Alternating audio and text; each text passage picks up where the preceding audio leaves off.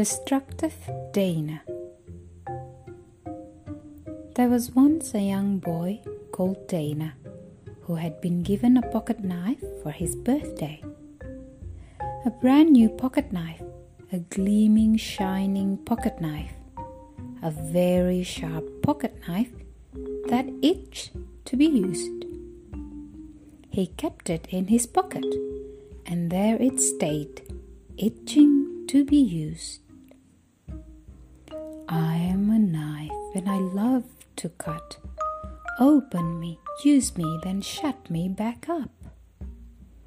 Dana was sure he could hear it singing to him sometimes. But what could a boy use a pocket knife for? I am a knife, and I love to cut. Open me, use me, then shut me back up. There, he could hear it again. He was sitting in the kitchen and nobody was around.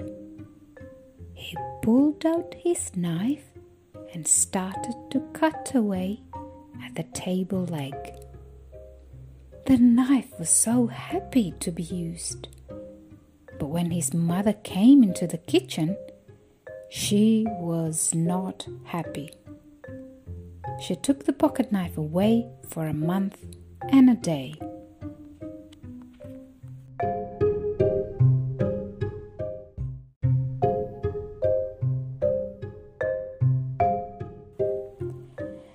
Finally, it was back in the boy's pocket, itching to be used.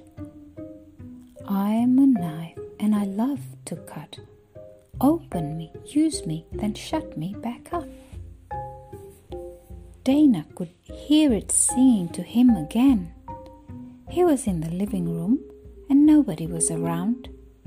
He pulled out his knife and started to cut into the cushion on grandmother's chair. The knife was so happy to be used. But when his grandmother came into the room, she was not happy. She took the pocket knife away for a month and a day. Finally, it was back in the boy's pocket, itching to be used. I am a knife and I love to cut. Open me, use me, then shut me back up. Dana could hear it singing to him again.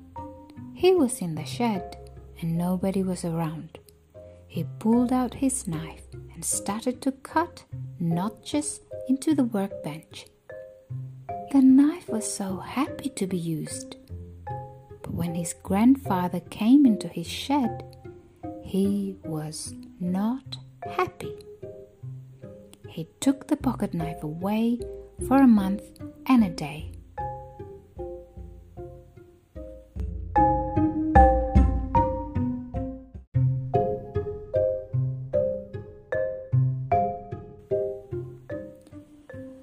Finally, it was back in the boy's pocket, once again itching to be used. That night, Dana fell asleep in the silver light of the moon shining down through his bedroom window. While in a deep sleep, he had a dream. In this dream, there was a hill, and on this hill, there was a castle, and in this castle, there were some windows and behind the windows there were many rooms, and in these rooms there were some beds with princes and princesses in their bedrooms. At this point, Dana woke up, sat up in bed, and had a wonderful idea. I know what to do with my pocket knife, he said. He climbed out of bed, dressed himself, and put his pocket knife into his pocket. Then he went out into the garden and, in the light of the moon, found a small log lying near the compost heap. Dana brought the log onto the veranda, opened up his pocket knife, and by the silver light of the moon he set to work. And all the while he was working, the pocket knife was singing. I am a knife and I love to cut. Open me, use me, then shut me back up. And all the while Dana was working, the rest of his family were fast asleep.